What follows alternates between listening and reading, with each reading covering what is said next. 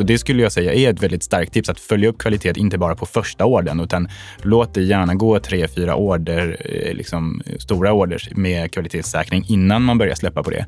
Eh, för vi har skräckhistorier. Så har fått kanske första batchen och det ser bra ut och liksom beställer man en större batch och så, så helt plötsligt får man en container där allting är feltryckt Ja, vi, vi hörde från en eh, kund eh, som förblir onämnt, men som liksom fick... Eh, de två eh, eh, killarna fick ju stå liksom i flera veckor och etikettera om produkterna själva. Eh, liksom tejpa över det som var feltryckt.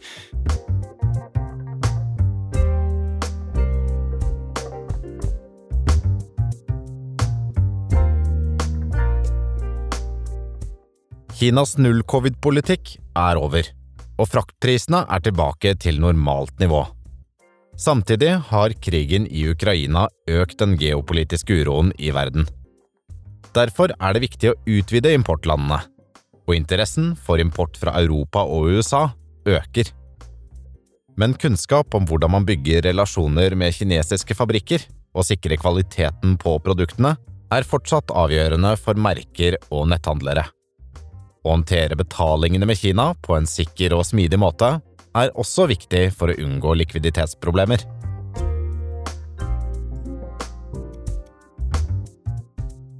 Åsmund Himle är säljchef på Trade. Välkommen! Tack! Och Martin Werkauter är Vice President Operation hos Trade och tidigare chef för Svenska Handelskammaren i Kina. Välkommen! Tackar!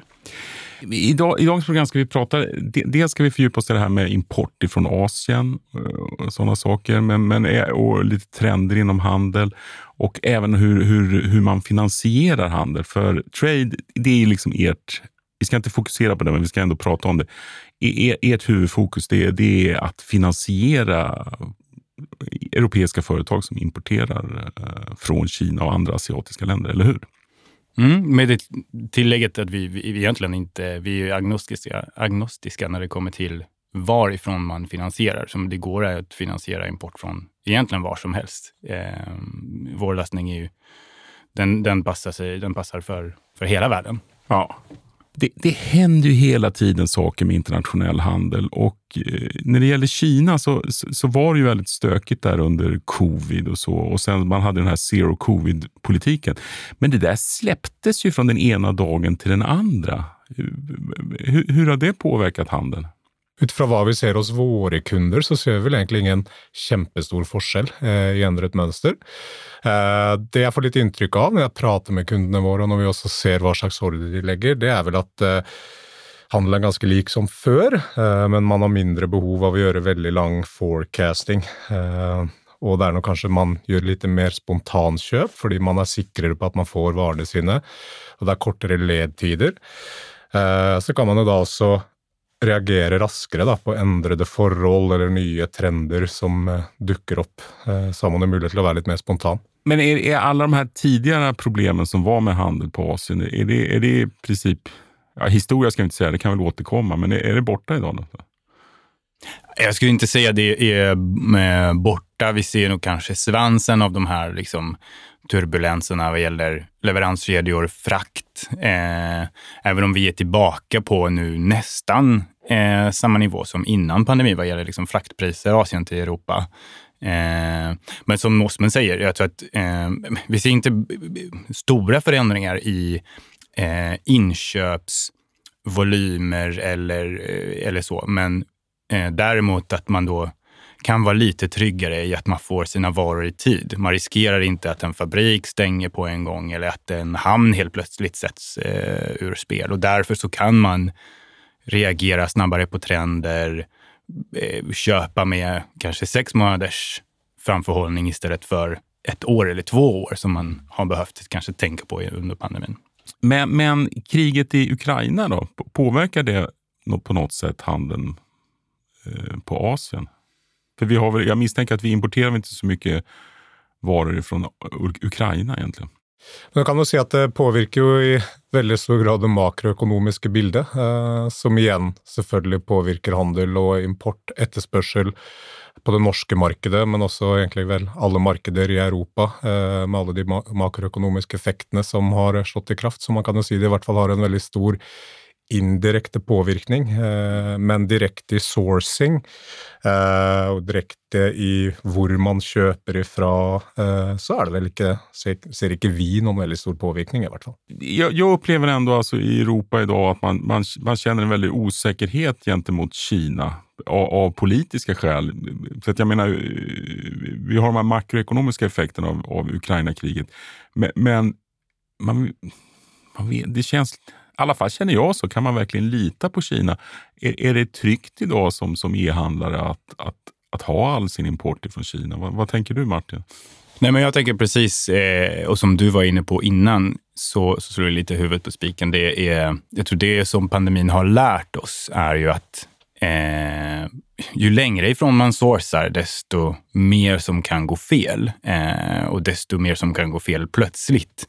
Eh, så att jag tror även om eh, själva eh, handeln nu är liksom i stort sett tillbaka alltså från Asien och i stort sett tillbaka till vad det var innan pandemin. Så det är många som har ändrat eh, lite, eller tänkt åtminstone i andra banor. Eh, och, och eh, det leder ju in oss lite mer på det här att liksom kanske ta hem en viss produktion till Europa, det som går. Eh, och liksom såklart så blir det tryggare ju kortare leder, desto trygga leder på, på det sättet. Så, så det, det, det, skulle jag säga. att man... Eh, ja. Hur stor andel av importen kommer från Kina till exempel? Om vi nu ska se Kina som en lite osäkert kort ändå i det geopolitiska. Eh, det är fortsatt en betydlig andel. Vi ser i inköpsvolym eh, så ser vi att cirka 40 procent av, av beställningarna till våra kunder i vart fall kommer fortsatt från Kina. Era norska kunder? Ja, då pratar vi bara det norska marknaden. Tror ni, tror ni de är representativa då för norska företag i stort? Eller?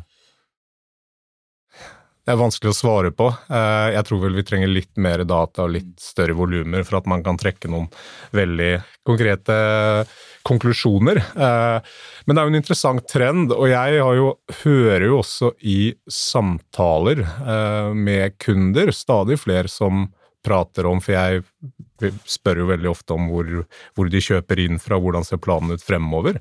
Eh, og det er jo flere og flere selskaper som også nevner at de faktisk tenker å kjøpe inn en større andel fra Europa, f.eks. Nettopp for å ha mer forutsigbarhet. Og jeg tror vel alle har fått opp øynene sine litt for at eh, dette globale handelssystemet er veldig sårbart. Da. Om det er en pandemi, eller om det er krig eller makroøkonomiske forhold som påvirker. Ja, eller bare at det er brist på, på eh, containere ja. og sånne saker. Eh, så hører jo stadig om selskaper som f.eks. selger klær, tekstiler, som skal begynne å source mer fra Portugal eller Tyrkia f.eks. Eh, så det er interessant. Mm.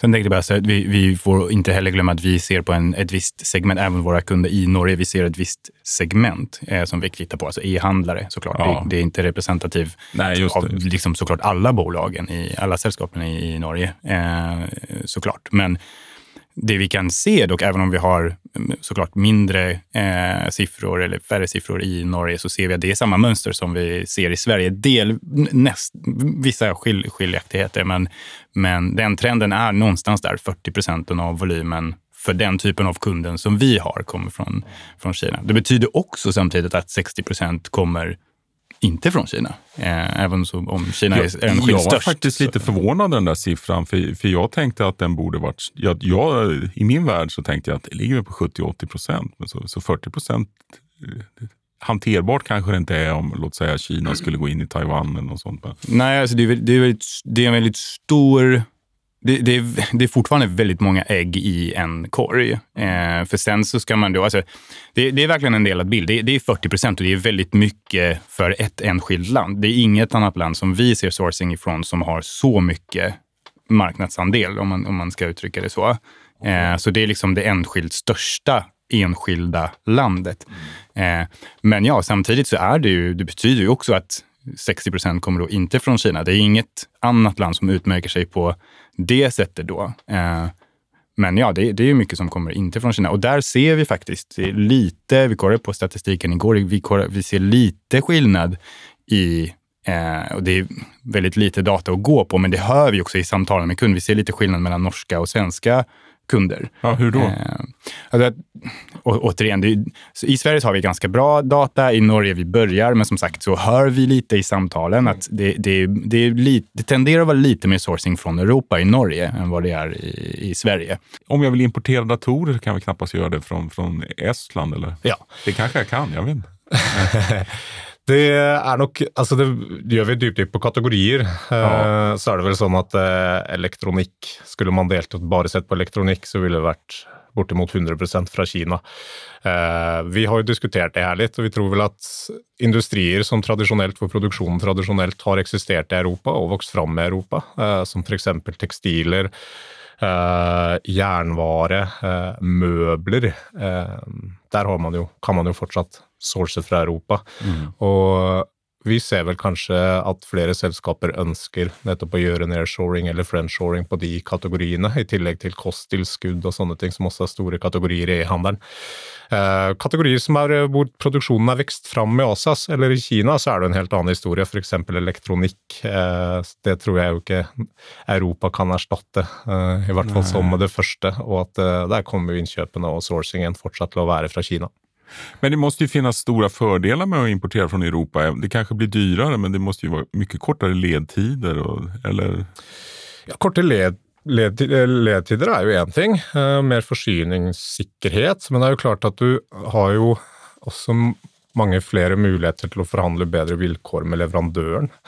Uh, eh, som regel får du en kredittid. Uh, ofta slipper man den här forskningsbetalningen, betalning för produktion.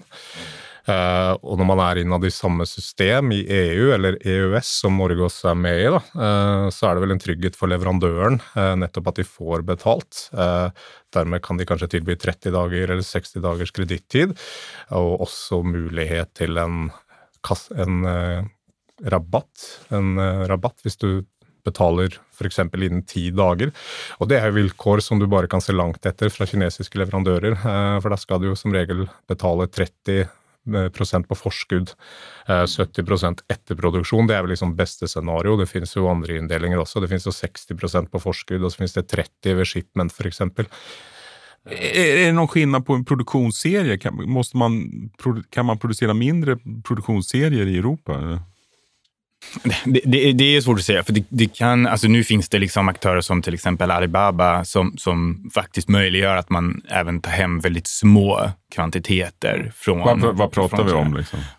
Alltså, ja, 100, kan, det, Man kan gå så lågt som... Du kan såklart beställa stämpels och allting, men, du, alltid, men du, du, kan ju, du kan ju gå väldigt, väldigt lågt. Sen Eh, så liksom eh, minimiorder, jag tror det går och, och det inte går att jämföra direkt. Men eh, det kommer vara svårt att skala små orders i Kina. Så småningom så kommer leverantören vilja ha större orders. Och speciellt om man ska, för liksom, sådana plattformar, det finns ju andra än Alibaba, men liksom, de är ju såklart relativt dyra. Så småningom så vill man liksom jobba sig bort från dem eh, och, och, då, och då kommer liksom mer volymkrav. Så att, så att det går att beställa små partier även från Asien, men det är kanske lättare att göra det från Europa.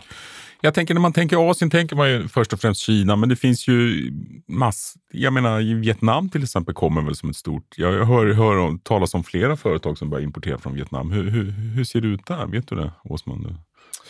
Eh, vi ser jo også innkjøp fra Vietnam, hos våre kunder i hvert fall. Eh, vi ser også noe innkjøp fra India. Altså Kam Indien? Kambodsja uh, ser vi også innkjøp, så vi ser jo absolutt en fordeling på de andre landene. Foreløpig den dataen vi har fra våre norske kunder, så er jo volumene og andelene veldig små i de andre landene. Men vi ser, jo, vi ser jo at det absolutt, absolutt skjer.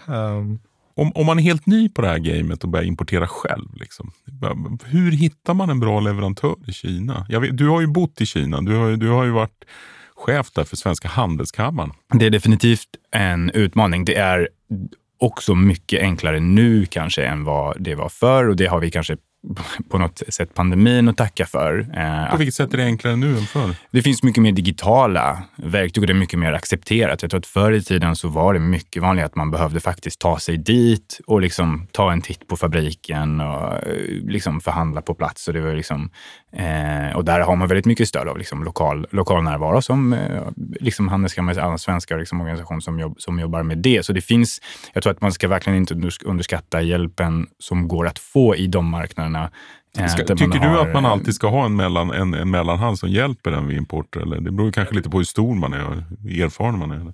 Jag, jag tror att när det, om, man är, om man är ny på import från Asien så är det nog bra att vända sig till de organisationer som finns. Och Svensk, Sverige har ju Sverige har liksom ett Finns det en nätverk. norsk handelskammare också Eh, där i Kina? Ja, det finns. Så finns det Innovation Norge som eh, jobbar med det på, på samma sätt som Business Sweden och liksom, eh, liknande organisationer i nästan varje no- nordiskt eh, land.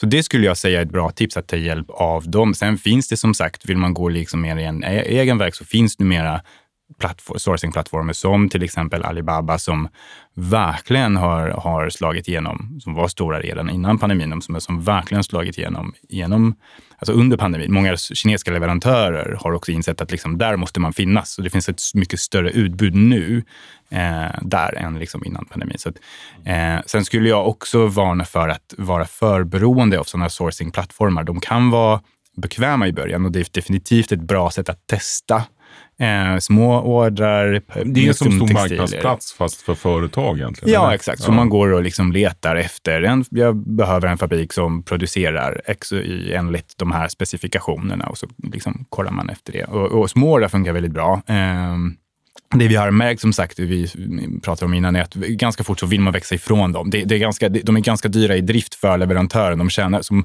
visst, man kan beställa från dem. Dels så kanske man inte hamnar högst upp i leverantörens eh, prioriteringsordning. Eh, eh, de, de får en sämre kött av liksom, sämre marginal på det, så de kanske inte är benägna att prioritera. Sen eh, finns det oftast olika delar, varianter av liksom trade assurance, som sagt, försäkring, som låter bra vid första anblick, men som skapar också lite felaktiga incentives för leverantören eftersom det är sourcingplattformen till exempel Alibaba etc. som då tar den risken, som är mer, mindre benägna att kanske att säkerställa kvaliteten innan de skickar.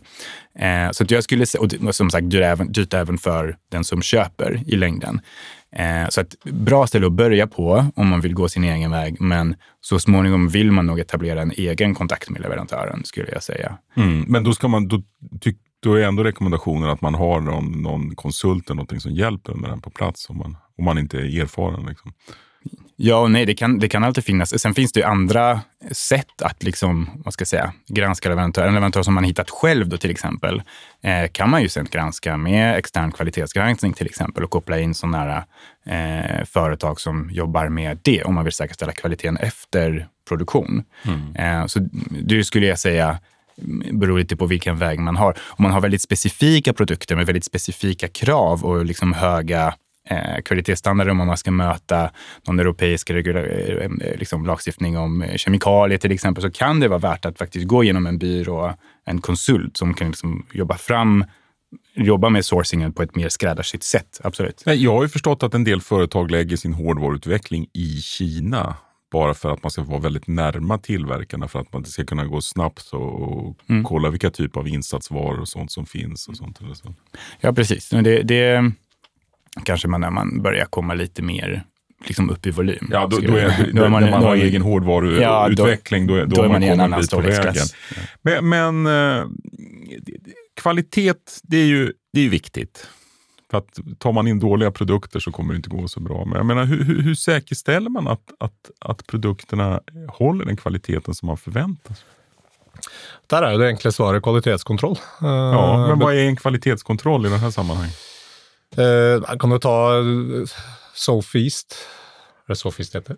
Mm. Ja, vår partner. Är det är de ni jobbar där. tillsammans med? Ja. Mm. Mm. Som er en partner vi har, eh, der kundene våre i hvert fall kan booke kvalitetskontroll via dem. Da drar de en hel dag til fabrikken, undersøker, gjør stikkprøver på produktene, eh, til, sjekker i- selvfølgelig i tillegg forpakningen, eh, og gjør en ganske grundig kvalitetsrapport. Da. Eh, som kundene våre da eh, mottar, eh, så de da kan godkjenne før det, før det sendes. Eh, sannsynligvis har de betalt et forskudd, og da før de betaler Det låter dyrt, de det her, resterende 70 Det er ikke spesielt dyrt. Eh, Sof nå kan jeg jo bare prate om Sofis, som er den jeg kjenner til. Den koster vel tre, er det 300 dollar eh, for én dag. eh, hvor de, de Och då är det en gubbe som åker ut till fabriken? Alltså. Ja, eller två, eller liksom en gumma. Men det är definitivt inte dyrt jämfört med kostnaden att få en dålig shipment. Nej. Hur, hur, vanligt är det att folk får eh, shipment med dålig kvalitet? Vet ni det? Alltså? Och ju, om man inte gör någon kvalitetssäkring på något sätt eh, så är det ju inte ovanligt. Eh, vi har hört eh, skräckhistorier från våra kunder. Eh, att man eh, ja, men helt plötsligt har kanske eh, jobbat, och det skulle jag säga är ett väldigt starkt tips, att följa upp kvalitet, inte bara på första ordern, utan låt det gärna gå tre, fyra order, eh, liksom, stora orders med kvalitetssäkring innan man börjar släppa på det. Eh, för vi har skräckhistorier. Så har man fått kanske första batchen och det ser bra ut och liksom beställer man en större batch och så, så helt plötsligt får man en container där allting är feltryckt. Eh, och liksom, eh, ja. Va, vad gör man då? Ja, vi, vi hörde från en eh, kund eh, som förblir onämnt, men som liksom fick, eh, de två eh, killarna fick ju stå liksom i flera veckor och etikettera om produkterna själva. liksom tejpa över det som var feltryckt. och det är ju det bästa Alltså, det är när man kan göra det. är faktiskt man kan göra det. Sen ibland så gör det så att, faktiskt, att produkten är oanvändbar, är att kvaliteten i själva produkten inte håller måttet. Så att, eh, det, det, är definitivt inte dyrt jämfört med kostnaden att eh, stå med sådana problem. Spontant tenker jeg at dette er et godt alternativ for mer enn nearshoring også. Uh, for det er klart man har en helt annen uh, helt andre rettigheter og helt andre muligheter ved innkjøp fra en leverandør, f.eks. i Europa. Eh, ja, men plus att man faktiskt kan åka ner själv och titta kvaliteten. Jag menar, säga, eh, om man nu syr kläder i, i Portugal så, så, är det ju inte helt orimligt att ta sig ner till Portugal. Eller hur? Med en viss regelbundenhet. Ja, verkligen. Och jag menar, kravhantering är också mycket enklare ifall någonting skulle mm. hända. Såklart. Om det, går då, om det, om det skulle gå dåligt. Jag menar, ja. Det finns ju fler mekanismer inom EU eh, e eller EES. Såklart. Eh, vilket är lite skälet till varför man behöver göra, vara så noga med sourcing från längre från Asien, i, liksom, eh, det vi pratar om. Just eftersom det är mycket svårare om det nu skulle gå fel. Kvalitet är ju en sak, men sen har vi, det är också villkoren. Det är liksom, hur, hur, hur, eh, hur, Osman, hur, hur eh, förhandlar man till goda villkor? Om man tänker från leverantörer eh, generelt, uavhengig av Kina, men tenker ja. Europa f.eks., hvor man har kanskje mer forhandlingsrom og mer mulighet til å forhandle gode vilkår hos leverandørene, så er vel eh, det første jeg tenker på, egentlig, cash is king. Eh, betale tidlig, betale i tid.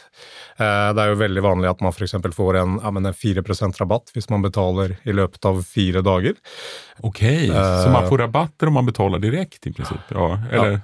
Så ja, 4 hvis man betaler innen ti dager. Ja. Uh, er jo veldig vanlig hos mange europeiske leverandører. Uh, Men i Kina får man inte de de muligheterna har man väldigt sällan i Kina. Mm.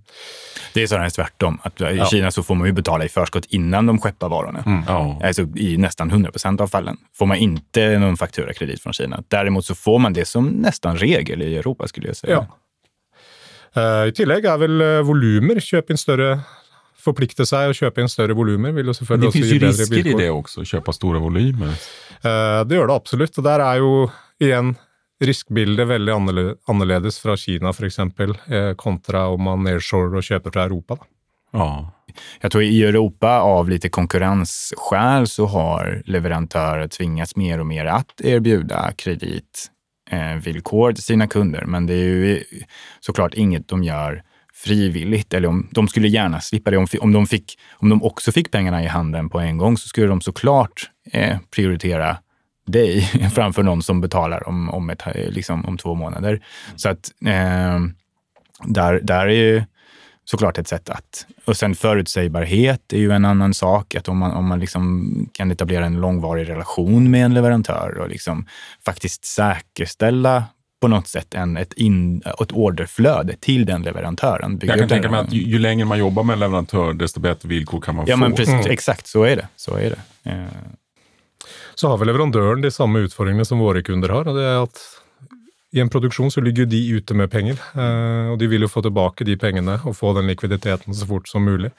Eh, så det är ju en god win-win situation eh, med möjlighet till att kunna tillby en kontantrabatt och benytta sig av en kontantrabatt.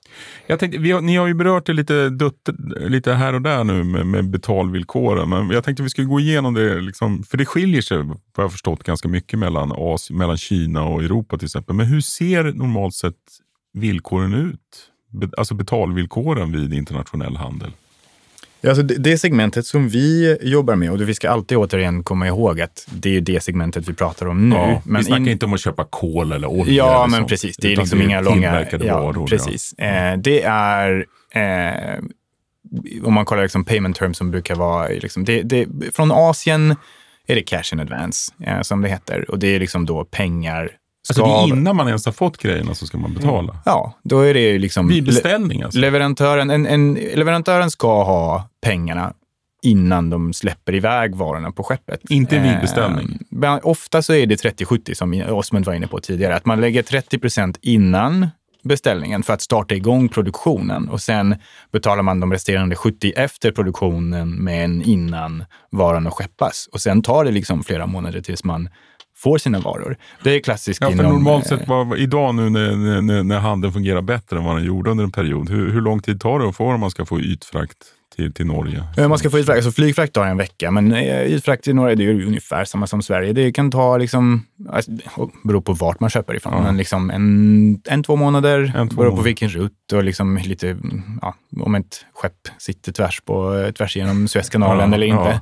Eh, men ja, det, det är ungefär de, de ledtiderna. Och, sen, men det, och det kan verkligen variera beroende på liksom vi- intullering, hur mycket tid det tar, beroende på vilka, liksom, hur komplex, komplexa varorna är och hur mycket reg- regulatoriska krav de har på sig. och sånt. Liksom. Men, alltså, dörr till dörr kan man väl säga ungefär två månader tills man har det på sitt lager. Eh, minst. Och sen ska man ju såklart börja sälja och, innan man får sina pengar eh, tillbaka. Men, men sen i Europa då så ser villkoren bättre ut egentligen, betalvillkoren. Eh, I Europa är det ganska ganske annet bilde, ja. Eh, Der har man jo veldig ofte kredittid. Eh, 30 dager, 60 dager er ganske vanlige kredittider i Europa. Som jeg nevnte, også kontantrabatt om man betaler in 10 dager, f.eks., er en ganske vanlig setup. Det er nok også litt ulik fra bransje til bransje. En del klesinnkjøp, eller kanskje mer spesialiserte tekstilkjøp, så er jo fabrikken avhengig av å kjøpe inn veldig mye tekstiler som de kanskje ikke vanligvis har i lager eller lagerfører. Eh, så det er klart at i noen tilfeller så ser vi jo at eh, eh, kunder også der må gjøre en liten forskuddsbetaling. Men da har man jo ofte en mye mer fleksibel betaling etter produksjon, da, hvor man ikke er avhengig av å betale for at de slipper varene, men veldig ofte kan det være ja, etter 30 dager etter produksjon f.eks., eller 30 dager, eh, 30 dager etter at varene sendes. Mm. Trainer, hur länge har ni varit igång? Ja, lite drygt eh, tre, ja, i tre år kan man säga. Eh, Räknar ni er fortfarande som ett startup? Eller? Ja, men det tror jag. Det tror jag vi gör. Ja. Vi växer. Startup Vi, slash växer. scale up. Ja, hur många anställda är ni idag då? vi är ett 60-tal idag. Ja, Så pass ändå? Alla sitter i Stockholm eller? Eh, Vi har fordeling. Vi sitter eh, brorparten i Stockholm. Eh, Da har vi et kontor i Kairo, hvor det sitter utviklere og folk på, med på produktsiden. Eh, Så har vi også et lite salgskontor i London, hvor det sitter noen personer. Men, men hur, hur, för er grundidé, det är egentligen att ni ska finansiera den här uh, förskottet som man i princip får betala när man Mm. importerar från... Eller hur ser det ut? Eller, eller, eller betala leverantören, Ja, eh, ja. egentligen oavsett om det är förskott eller inte. Vår, vår affärsidé är ganska enkel. Det är liksom, eh, om, om, du, om du kan sälja dina varor och det enda problemet är att eh, liksom, tillväxten bromsas av vad du kan köpa in så, så finns vi där eh, för att brygga över den eh, liksom det behovet helt enkelt. Oavsett, egentligen lite oavsett om det är från Asien, från Europa eller från, från USA som vi inte pratat om så mycket. Eh, det är inte nearshoring, men det är definitivt friendshoring. Eh, så, att, eh, så det är det och det, det är liksom inte nödvändigtvis förskott. Och När vi, när vi pratar om Europa då till exempel så, så eh, möjliggör vi för många av våra kunder just detta. De kan då betala då kan man erbjuda sin leverantör tio dagars betalningsvillkor och liksom casha hem den rabatten och faktiskt till och med spara på våra avgifter. Eh, Så det, det behöver inte vara förskott, men det, det är just det, betala till leverantören. Det, det, är, vår, det är hela vår affärsidé.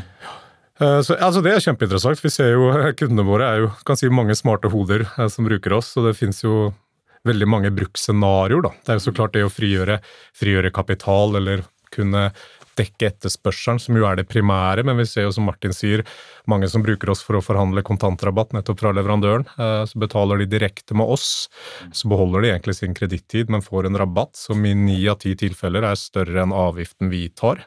Eh, det är ju en del kunder som bruker oss för att kunna lägga större volymer, få lavere enhetspriser en del kunder som kanske tidigare har varit avhengig av flyfrakt från Asia f.eks., exempel, något som är fryktelig dyrt, eh, men som da bruker, med oss da har mer flexibilitet så de kan byta från fly till båtfrakt och på den måten också drar ner kostnaderna. Och igen, kostnader, eh, kostnadsbesparelser som är större än avgiften vi tar. Da. Så vi, vi samarbetar med många kloka huvuden eh, kan man väl säga. Det är jättekul för de finner jo måter som selv inte vi har tänkt på i, i våra pitcher. Så det är jättekul. Nej, men ett, särskilt bland, nu kanske vi inte är inne i det här stark, men det finns ju enskilda e-handlare som ändå kan ha en väldigt stark tillväxt. Det, det är ju det här cashflowen, är ju oftast, mm. det skulle jag säga är generellt sett ett av de största problemen snabbväxande e-handlare har. Mm. Eller hur? Cash men, is king. Ja. men, men liksom, vad är det, vad, ni, ni, är ju techbolag, eller hur? Ni, är inte bara, ni sitter ju inte bara och räknar pengar. Mm. Nej, men precis. Och det är apropå just då, det, alltså till ja. exempel villkor till leverantör. Vi, vi är ju ett, ett bolag. Det vi, det vi är absolut bästa på är ju att liksom, eh, igen, bedöma och prissätta risken i de transaktionerna och eh, handlägga dem på ett effektivt det är liksom algoritmiskt eller hur fungerar det här? Ja, men precis. Det är väldigt mycket vår, vår liksom secret sauce bygger på liksom vår egen kreditbedömning och vår egen liksom, eh, liksom hantering, automatiserad hantering. Och det är det som gör till exempel att vi kan erbjuda ett, eh, en avgift som då är oftast är lägre än den rabatten man får för, för, från leverantören. Bara för att vi prissätter risken bättre och för en professionell aktör som oss kommer det alltid vara billigare att ta den liksom, volym, den risken i liksom, skala än för den enskilda leverantören. Den behöver liksom, prissätta den högre Eh, för att den inte har tillräckligt mycket spridning eller koll. Eller liksom just då. Så vi, vi är ju egentligen, det är absolut, det, det, det har du verkligen rätt i. Vi, vi är absolut bästa på att bedöma risken, prissätta den och hantera volymen. Vad jag förstått, vad jag förstått så i princip så integrerar man sig med sitt affärssystem med er så får man en ögonblicklig, liksom, eh, vad ska man säga, ja, ett kreditutrymme egentligen, eller hur? Ja, Vi har støtte for integrasjon av ERP-system. Eh, ja. Så man kan jo egentlig da koble ERP-systemet sitt direkte opp på plattformen. Eh, på den måten så har jo vi live tilgang til data, eh, så vi kan jo følge selskapet fra måned til måned og egentlig se hele utviklingen. På den måten agere raskt på om det finnes risker, selvfølgelig, men på andre siden også agere veldig raskt eh, hvis vi ser en positiv utvikling og et potensial. Så man kan øke, øke sin kreditt? Ja, kan man få økt kreditt, eller også redusert pris eh, ganske raskt fra Eh, fra oppstart og i løpet av noen måneder eh, så har vi jo flere kunder som har både fått doblet og tredoblet egentlig kredittrammen sin hos oss eh, og fått en betydelig bedre pris, ettersom vi kan, vi kan reagere veldig raskt og ser, ser rask utvikling i selskapet. da. Ni är ju ett svenskt företag som, som har etablerat sig i Norge under året. här. Är det, är det någon skillnad mellan Norge och Sverige egentligen? Som marknader för er alltså, att jobba på? Altså Mitt inntrykk i hvert fall, det er at i Norge så finnes, er utvalget av gode finansieringsløsninger for nettopp selskaper mye kanskje litt dårligere i Sverige. Jeg vil ikke si dårligere, men man har kanskje Mindre å velge på? Altså. Ja, det er mindre å velge i, rett og slett. Det er et mindre modent marked. Eh, så det finnes jo et enormt potensial på det norske markedet. Vil jeg si selv i litt tøffe makroøkonomiske tider, så ser vi jo et veldig stort potensial. Eh, I Norge så eksisterer det, er det vel primært kassekreditt eh, som selskapet benytter seg av av. Eh, vilket jo for de aller fleste er en god finansieringsløsning, men det er klart du mangler jo litt fleksibiliteten. Eh, det er jo ofte en lang beslutnings, eh, beslutningstid. Man har, forplikter seg veldig ofte i lang tid, og så har man jo også veldig faste kostnader som står och löper oavsett om man brukar det eller inte. Eh, ja, för en kassekredit betalar man för även om man inte använder den? Ja, då betalar man som regel en provisionsandel som är en liten procentandel av det totala kreditrammen. Så betalar man selvfølgelig i tillegg rente för det man brukar. Då. Eh, så vi har ju fått en enormt god respons. Eh, väldigt, väldigt mycket positiva tillbakemeldinger från sällskaper som vi tar kontakt med, men som också selvfølgelig tar kontakt med oss. Som egentligen säger att det finns ett väldigt stort behov da, for alternative, kanske mer flexibla eh, finansieringsløsninger for selskaper. Mm, mm. Alltså, marknaden är ju så svårbedömd just nu tycker jag. Det är väldigt svårt att se vad ekonomin är på väg i Norge och i Sverige. Och så. Vad, vad, vad, vad, vad gör ni för prognos? Går det att göra några prognoser? Eller? Det är därför eh, sådana chefsekonomer får så bra betalt på bankerna. Eh, men, för att de ska göra eh, felaktiga prognoser? Ja, för att de ska göra felaktiga prognoser med mycket stor säkerhet. Eh, men eh, alltså, alltså, dels så ska man inte sticka under stolen med att såklart som alla andra så påverkas vi av liksom, makroekonomiska eh, läget såklart. Eh, men den långsiktiga, alltså om man tänk- tänker liksom fundamentaler så är de, så talar de i, i liksom vår fördel såklart. Dels för att e-handel är fortsätter växa. Eh, Det är svårt, en, en extra för dem att prata om just Norge med att liksom, där har vi ju framför oss mer av den utve- utvecklingen som Ja, redan har skett i Sverige. Så vi har ju en bra trend i Norge. Så det, det, det, dels är det det, e-handel tror jag, även om det gick väldigt, väldigt fort under pandemin och det kanske inte går lika fort nu kommande åren. Vi har tagit ganska mycket på kort tid, så kommer det fortsätta. Och sen det andra är ju att eh, på det stora hela världshandel, betalningar i förskott är också en ökande, det behovet ökar också. Eh, och jag skulle nästan, jag skulle till och med vilja göra en liten eh, eh, eh prediktion här. Att, att jag, jag tror också att till exempel inom Europa så kommer vi gå mer och mer mot, mot ett eh, läge där aktörer som vi eh, sköter betalningarna. Att, att liksom det är mindre att, så att leverantörerna själva erbjuder kredit, utan det kommer vara mer normen, tror jag, i framtiden att man använder sig av parter som oss för Den betalning. måste minska riskerna både för tillverkaren och för importören. Det minskar risken för alla. Som sagt, vi, vi har ju som core business att bedöma risken, så det är klart att vi eh, är bättre på det. Och det, då blir det ju mindre risk för, för alla, alla parter. Jag, jag, jag tror att det är... Det handlar kanske- inte också om att nya aktörer som ni pressar priserna på den här typen av tjänster. Om man hade använt vanliga banker för sådana här så, så hade det säkert kostat en hel del mer om de ens hade gått med på det. Liksom. Ja, ja men absolut. absolut. Jag tror det är ett växande segment och det är ett segment där vi har sett en stor tillbakagång från just bankerna. Förr i tiden så löste man det på det sättet, men det är inte lönt för bankerna längre att... Eh, så det, och det, det, det tomrummet kommer fyllas, tror jag, av aktörer som vi. Men vi tror ju, lite som Martin är inne på, då, att vi, att vår, den vår type tjeneste kommer til å bli mer och mer aktuellt Så, så vi tror ju att vår tjeneste kommer til å være relevant för många. Hvis vi tänker nå på kort sikt, eh, hvor det er mer usikkerhet, så tror vi att många mange selskaper har behov av mer fleksibilitet i forhold til betalingsvilkår. Eh, och så är det också så att många leter efter nå kanskje skvise litt ekstra for å finne måter å redusere kostnader, eh, och börjar att tänka på tiltak som man inte har tänkt på tidigare. Och där är ju nettopp det här med orderstørrelser, eh, kontantrabatt, eh, veldig aktuelt. Da. Og der, Det finns pengar att spara. det finnes jo veldig mye penger å spare. Eh, så da tror jeg jo også at eh, selskaper som oss eh, vil, kunne, vil kunne også være veldig relevante i vanskeligere makroøkonomiske tider. Da. Bra! Åsmund Himle, säljchef på Trade. Stort tack för att du var med idag. Takk for at vi fikk komme.